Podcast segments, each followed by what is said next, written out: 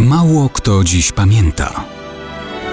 Datownik historyczny prezentuje Maciej Korkuć.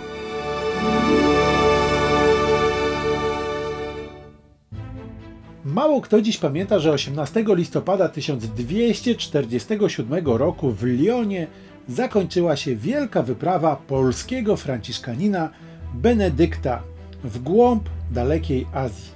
Nie bez powodu w Europie stał się on znany jako Benedictus Polonus, czyli Benedykt Polak.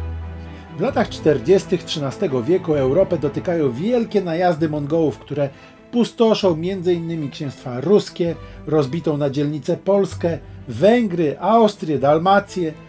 To wtedy pod Legnicą ginie książę Henryk Pobożny.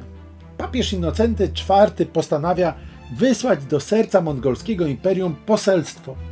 Według jednych celem ma być nawrócenie Hana Mongołów na chrześcijaństwo. Według innych namówienie go do wspólnej z Europejczykami wyprawy na islam. Na czele poselstwa papież stawia Włocha Giovanniego di Piano Carpini. On dobiera sobie Polaka, Benedykta i jeszcze jednego zakonnika. W kwietniu 1245 roku zaczyna się wyprawa.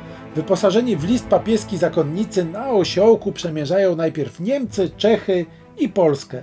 W naszym kraju mnisi zostają przygotowani i zaopatrzeni na podróż w nieznane. Otrzymują wskazówki logistyczne, zatrzymują się na dworach książąt we Wrocławiu i u Bolesława Wstydliwego w Krakowie. Później jest Łęczyca, Czersk i kupiecki szlak prowadzi na Ruś narażoną na litewskie wyprawy. Przez olbrzymie mrozy i śniegi trafiają konno i saniami w styczniu 1246 do Kijowa. Stamtąd na mongolskich konikach docierają do delty Wołgi i ziem opanowanych trwale przez Mongołów. W Saraju przyjmuje ich zwycięski grabieżca Europy, sam wnuk Dżingishana Batu Khan.